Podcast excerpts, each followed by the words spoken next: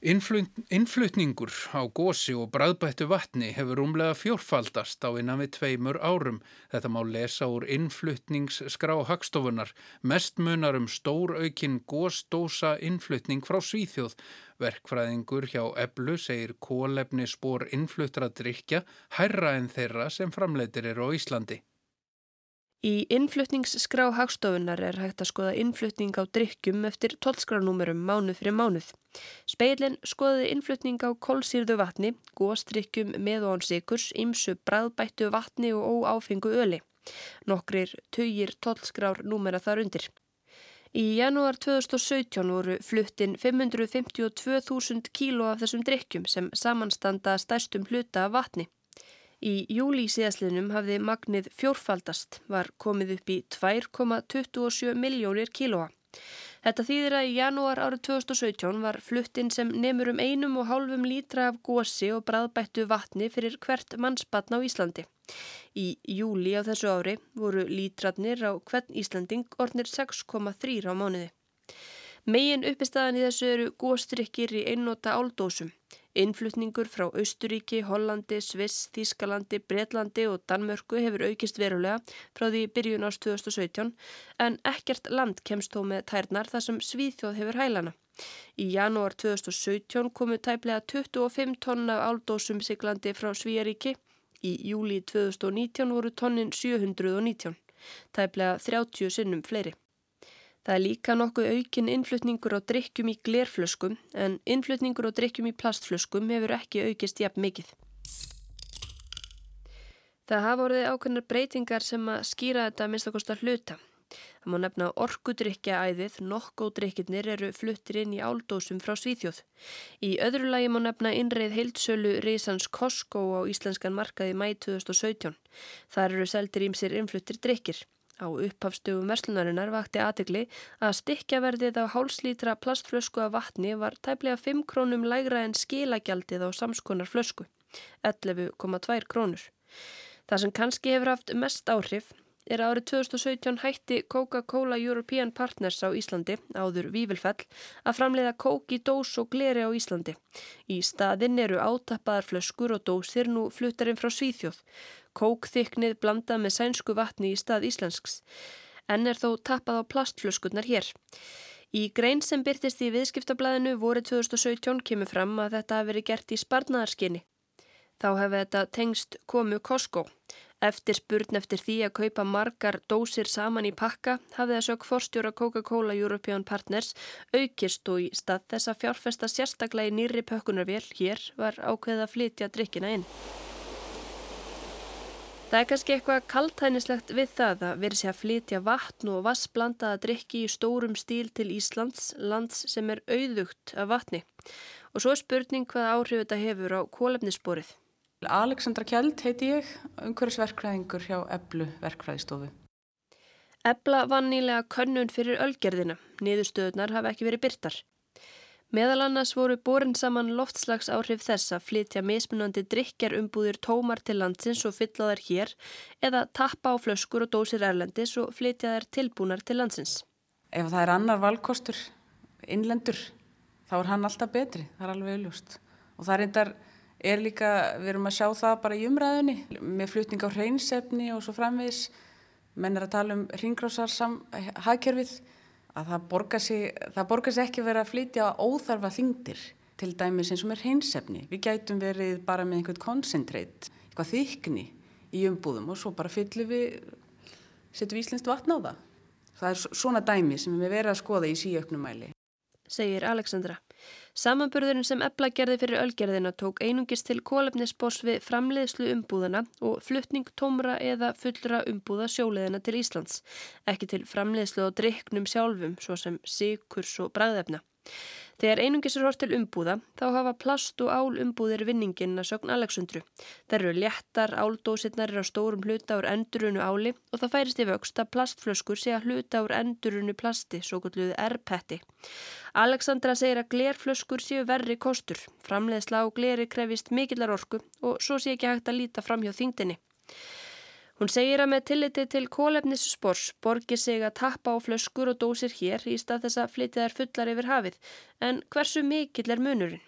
Eblu reiknast til að kólefnisbora fluttningi fullrar hálslítra dósar sem flutt er frá Helsingborg í Svíþjóð til Reykjavíkurhafnar sé 78 grömm af koltvísýringsígildum. Kólefnisbor dósar sem flutt er tóm sumuleið sé 71 gramm.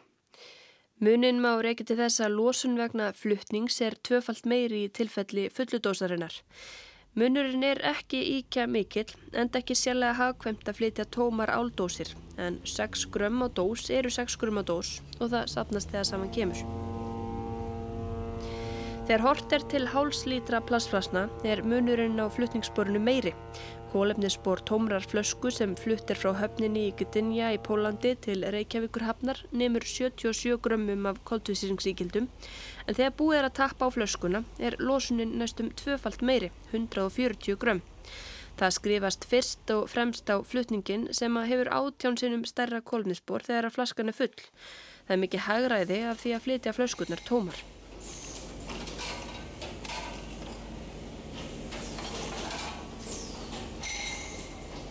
Hér uh, sjáum við hlamis plastflöskuna. Uh, hér er hún tóm mm. og hér er verið þá að blása hana út uh, hér á landi. Veist, þær eru bara svona, ég veit ekki hvernig að lýsa þessu, einhvers konar örður, veist, þetta er svona eins og litlar, litlar óupplásnar blöður. Já, þetta er eiginlega þannig, það er komið eins og pínulítil mæliklus einhvern veginn. Þetta er alveg frekar lítið, þetta er príform og ef við flytjum þær tómar þessu formi til landsins, þá bæði eru flytningarnir hagkvæmir og við notum íslenska raforku til þess að blása þær út.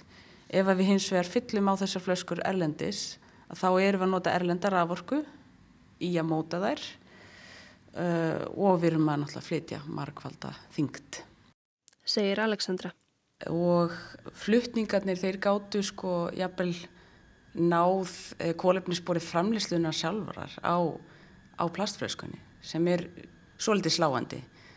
Þetta er auðvitað mjög létt eining og þeir eru búin að markvalda svona gríðarlega hérna, þingdina. Þá munar þetta um það. Útrekningar eflu miðastu upplýsingar frá byrgjum ölgerðarinnar. Það eru margar breytur sem skipta máli og málum ekki eins háttað hjá öllum byrgjum. Alexandra segir niðurstöðnar byggðar á bestu tiltækugögnum en að það þurfi samt að taka þeim með ákveðnum fyrirvara. Er komið þó ekkit á óvart, séu í samræmi við það sem hún bjóst við. Þá bendur hún á að í útreikningunum sé ekki gert ráð fyrir landflutningum. Oft séu drikkirnir kerðir mörg hundru kílometra frá framleyslu staða að höfn, vörubílaflutningarnir og vegi oft þingra en sjóflutningarnir. Útreikningarnir tæki þá ekki heldur til orkunótkunar við átöppun ytra. Munurinn sé því líklega enn meiri. Arnildur Haldónadóttir sæði frá.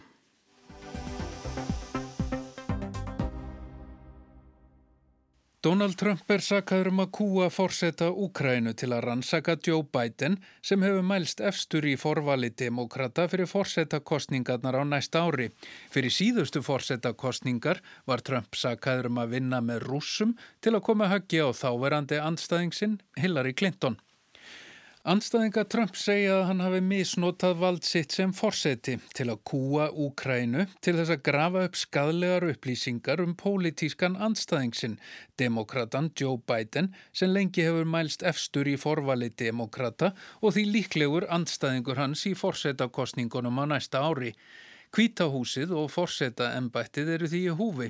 Trump og stuðningsmenn hans saka Joe Biden á móti um að hafa þrýst á ukrænsk stjórnvöld að stöðva glæparansókn gegn síni hans Hunter Biden sem var starfsmöður gasfyrirtækis í Ukrænu.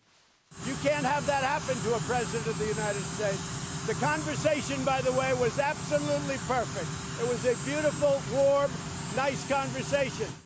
Donald Trump og Volodymyr Selenski, fórseti Úkrænu, töluðu saman í síma þann 25. júli.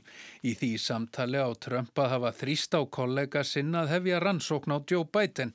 Í þessu sama samtali rætti Trump einning um 250 miljóna bandaríkjadala hernaðaraðstofið Úkrænu sem bandaríska þingið hafði samþygt en Trump stjórnin hafði frestað. Washington Post og fleiri fjölmiðlar hafa fullirt að Donald Trump hafi skipað starfsmannastjóra sínum, Mick Mulvaney, að fresta afgreðslu aðstóðarinnar fram yfir símtalið um delta. Málið virtist óljóst í fyrstum eða þar til Rúdi Giuliani, lögfræðingur og einn nánasti samstarfsmaður Trumps, kom í viðtal við Chris Cuomo á CNN fyrir helgi. Þar var lögmaðurinn spurður að því hvort hann hefði beðið yfirvöldi í Úkrænu að rannsaka Joe Biden. Giuliani vísaði því á bugu í fyrstu og sagði slíkt algjörlega fjärstaðukent en gegn síðan við því og það með nokkru stolti. Did you ask the Ukraine to investigate Joe Biden? No, actually I didn't. I asked the Ukraine to investigate the allegations that there was interference in the election of 2016 by the Ukrainians for the benefit of Hillary Clinton for which there already is a you court never asked finding. anything about Hunter Biden. You never asked anything about Joe Biden. The only thing I asked about. Joe Biden is to get to the bottom of how it was that Lutsenko, who was appointed, Right. dismissed the case against Antac. So you did ask Ukraine to look into Joe Biden. Of course I did. You just said you didn't. Sjálfur hefur Trump sagt að hann hafi rætt spillingu við forsetan og um Joe Biden og svon hans. Fleiri mál hafi borið á góma og þetta hafi verið mjög gott spjall, fullkomið símtal. Hann bætti því við að bandaríkin veittu Úkrænu fjárhagsaðstóð og því var í mikilvægt að tryggja að landi væri heiðalegt og rétt sínt. Trump hefur líka farið hamförum á Twitter og segir mála tilbúnaðin reynan tilbúning demokrata og spiltra fjölmiðla. Uppljóstrarinn vinni gegn hagsmunum bandaríkjana og sér greinilega ger sneitur ættjarðarást og þjóðrækni. But with all of that being said, we had a very great conversation, very straight, very honest conversation. Þingmenn demokrata fullir það að símtali varpi ljósi á samskipti Donalds Trumps við aðra þjóðarleitóa. Augljóst sé að Trump hafi þrýst á forsetana láta rannsaka Joe Biden og son hans. Þannig hafi átt að flekka mannorð Joe Biden og koma þannig höggi á líklegan anstæðing Trumps í komandi forsetakostningum. Þingmenn republikana hafa lítið tjá sig en þó hefur öldungadeildar þingmaðurinn Mitt Romney sagt að málið sé alvarlegt og nöðsynlegt að fá allar staðreindir á borðið. Alvarlegustu ásakanirnar snúast um að Donald Trump hafi nýtt forseta embættið til að kúa erlendan þjóðarleitua til að sapna skadlegum upplýsingum um pólitískan anstæðingsinn og halda aftur að hernaðaraðstóð í þeim tilgangi. Samkvæmt stjórnarskrá getur meiri hluti þingsins dæmt forsetan til embættismissis fyrir ólöglega eða ósiðlega framkomu. Tvo þriðju hluta öldungadeildarinnar þarf síðan til að víkja honum úr starfi. Forsetan má dæma til embættismissis fyrir landráð, mútur eða aðra alvarlega glæpi eða miskjörðir. Hvað þetta þýðir í raun er í raun ákverðun meiri hluta þingsins hverju sinni. Demokrater hafa meiri hluta í þinginu en vilja þó stíga varlega til jarðar. Nancy Pelosi, forseti þingsins, hefur gefið í skinn að slík vegferð gæti skadað demokrata og sé í raun tilgangslaus á meðan Donald Trump nýtur stuðnings meiri hluta republikana í öldungadeildinni. Aðri demokrater segja að það sé siðferðileg skilda þingsins að sækja forsetan til saka. Þetta minnir um margt á ásakanir gegn Trump um að hafa unnið með rúsum til að koma höggi á Hillary Clinton í forsetakostningunum 2016. Þó er ákveðin grundvallar munur. Þá var Donald Trump í raun óbreyttur borgari sem sóttist eftir kjöri til forseta. Í málinu sem nú er til skoðunar er hann hins vegar sakaður um að hafa nýtt sér vald embættis bandaríkja forseta til að hafa áhrif á erlendan þjóðarleitua og hafa sjálfur átt frumkvæði í málinu. Sjálfur segist hann ekki hafa beitt forseta Úkrænu þrýstingi. Andstæðingar hans segja hins vegar augljóst að Trump hafi kúað forseta Úkrænu til að hefja rannsókn á helsta pólitíska andstæðingi sínum og nota til þess 250 miljóna bandaríkjadala hernaðaraðstóð. 11 einróma hæstaréttadómarar telja þá ráðstofun Boris Johnson, forsætisráð þar að senda þingið heim ólöglega. Þingstörf eigi því að halda áfram eins og ekkert hafi í skorist. Dómur hæstaréttar breyta varðar grundvallar þætti breskrar stjórnskipunar og mun bergmála lengi. Þá líka í komandi kostningum og þá í samhengi við útgöngu breyta úr Evrópussambandinu þó dómurinn snúist ekki um það mál. Heyrum hér í lafði heil forseta hæstaréttar þegar hún hvað upp dómin í dag. Parliament has not been prorogued. This is the unanimous judgment of all 11 justices. Þetta er kjarnin dómsinn sem hæstiréttu breyta hvað upp í morgun eins og heyra mátti saði lafði heil að þingið hefði ekki verið sendt heim, svo ráðstöfun ólögleg. Um það væru dómararnir 11 einróma samála. Fórsætsráðara braut lög það hindraði þingið í að rækja líðræðislega skildu sína og svo hindrun er ólögleg og þar með líka ólöglegt að ráðleggja drottningunni að senda þingið heim. Ástæður fórsætsráðara fyrir þessi ráðstöfun skipti ekki máli heldur áhrifin sem ráðstöfunin hafði. The effect on the fundamentals of our democracy was extreme. No justification for taking action with such an extreme effect has been put before the court. Áhrifin á grundvallar þætti líðræðisins voru gríðarleg og ekki verið lögð fram neyn réttlæting þess að taka ákvörðun sem hefur slíkar afleðingar, saði lafði heil. Þar með var brotið blað í breskri réttarsögu dómurinn skapar veiga mikið fordæmi og köngulogarnælan í barmilafði heil er orðin tískufyrirbæri þegar farða að selja bóli með mynda nælunni. Niðurstaðan gæti ekki verið skýrari. Þetta var ekki venjulegt þingli, áhrifin á grundvallar þætti líðræðisins voru gríðarleg, ráðstöfun fórsætsráð þeirra dæmt, dauð og ógild, rétt eins og aukt blað hefði verið lagt fyrir þingið, sagði lafðinn og þingið því órofið. Við fjölmiðla saði John Berkow þingfórseti dómin ótvíræðan lögbrot að hindra þingið í að gegna skildum sínum. Berko bóðaði að þingið hjælti áframstörfum, ekki kalla saman aftur því það hefði verið ólöglegt að senda það heim, þingstörf hjæltu bara áfram. I have instructed the House authorities to prepare not for the recall, the prorogation was unlawful and is void, to prepare for the resumption of the business of the House of Commons. Berkov neytti á þessu því það er leikilatriði að þingstörf haldi áfram. Þingróf fyrir stefniræðu felur í sér að mál í meðferð þingsins detta uppfyrir og þau komast ekki aftur á dagskrá nema vera formlega sett á dagskrá. Ímsið krefjast nú afsagnar fórsætsráð þeirra þá einning Jeremy Corbyn leðtói verkamannaflokksins.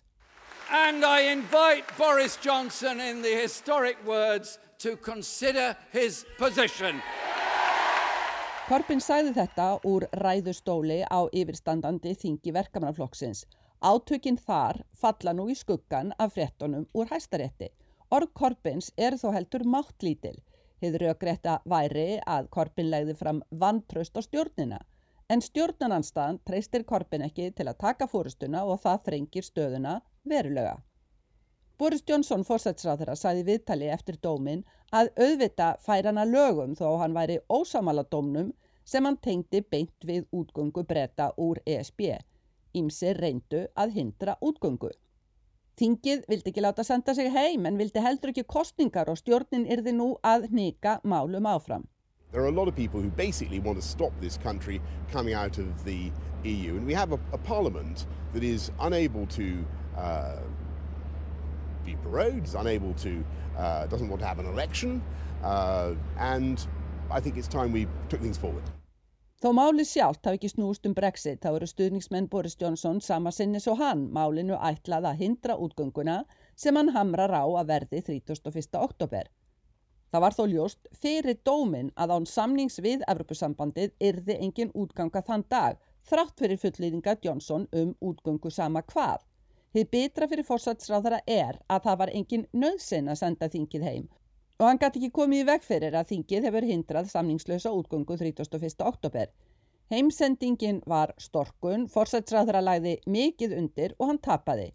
Ráðin um heimsendingu eru talin brugguð af umdeildum ráðgjafa Johnsons, Dominic Cummings, sem ímsum finnst að nú ætti að reka. Það verða kostningar hér á næstunni, óljóst hvenar, Það má vel vera að fórsætsráðara takist að snúa dómnum upp í sigursögu, líka að því leiðtögi stjórnarnanstöðunar er umdeildur einnig í eigin flokki. Sigrún Davíðs tóttir sæði frá, verið sæl.